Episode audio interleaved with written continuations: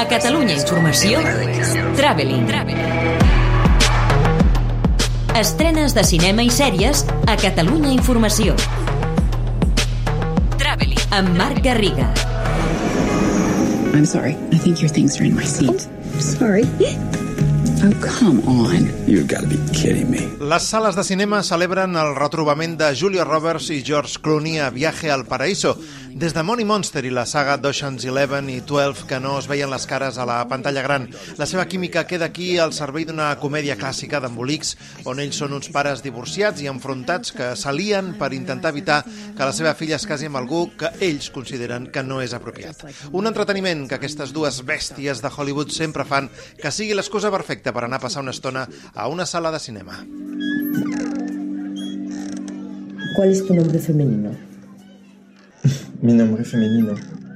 ¿Te sientes una chica? També s'estrena una pel·lícula molt especial, Mi vacío i jo, producció catalana que és la història de Rafi, una dona trans francesa que viu a Barcelona i que parla en primera persona de la seva pròpia vida. És un film que explora els límits entre ficció i realitat i que ha dirigit Adrián Silvestre, que va quedar enamorat de seguida dels textos autobiogràfics de Rafi i el film, més enllà de la realitat d'una persona trans, parla obertament de dubtes, d'emocions, de sentiments, com ens va dir ella mateixa al Festival de Màlaga. Hubieron eh, momentos difíciles de, de, rodar, algunas escenas de sexo que a mí se me hacían muy difíciles, eh, pero por otra parte ha sido también algo muy terapéutico poder recrear escenas, por ejemplo, encuentros con hombres. Pero es verdad que la, la película me permitió reflexionar mucho sobre, sobre esos acontecimientos y ver un poco más allá de mis narices.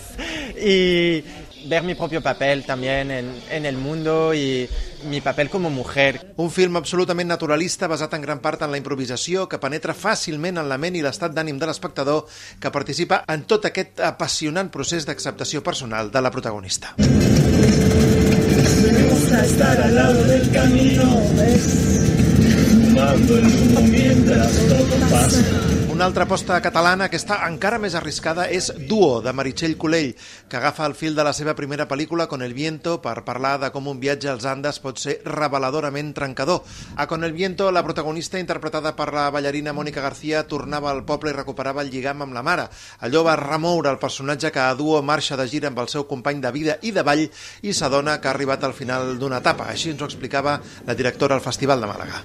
Com una transformació a la vida, com pot ser tornar al poble, tornar a les arrels, connectar amb la mare, genera una crisi que afecta a la forma de relacionar-te amb la teva parella i amb el món també. No? I en aquest viatge a comunitats originàries que funcionen de forma comunitària hi ha un qüestionament constant no? de, del jo, de l'artista, també dels sentits, de l'art. I això genera un trencament, però que alhora obre la porta a una nova realitat que Colell mostra amb unes imatges bellíssimes en un film ple de sentiment i d'arrelament a la terra.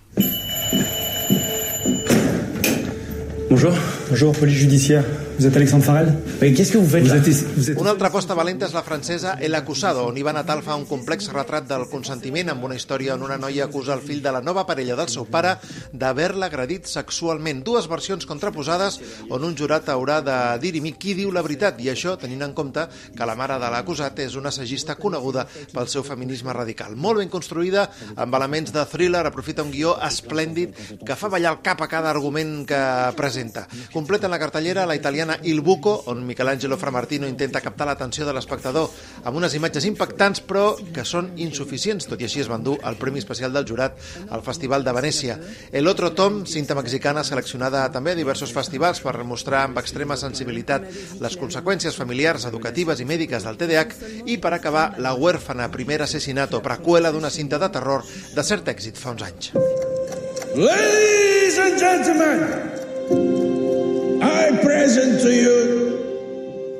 pel que fa a les plataformes, destaquen totes les estrenes del dia de Disney Plus. Per començar, l'adaptació de Pinocho amb actors reals com Tom Hanks, que interpreta Gepetto, combinats amb personatges creats digitalment que no acaben de transmetre. La fredor, de fet, recorre tot el metratge per evidenciar que es tracta d'una versió innecessària d'un clàssic etern.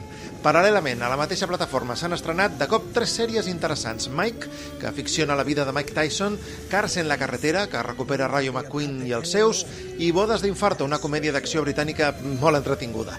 A més, a Filmin arriba el dia 13 la valuosa sèrie dirigida per Luca Guadagnino, el de Call Me By Your Name, We Are Who We Are, i HBO la docusèrie Salvar el rei sobre el pacte de silenci al voltant de l'emèrit Joan Carles I. Traveling. Estrenes de cinema i sèries a Catalunya Informació. Amb Marc Garriga.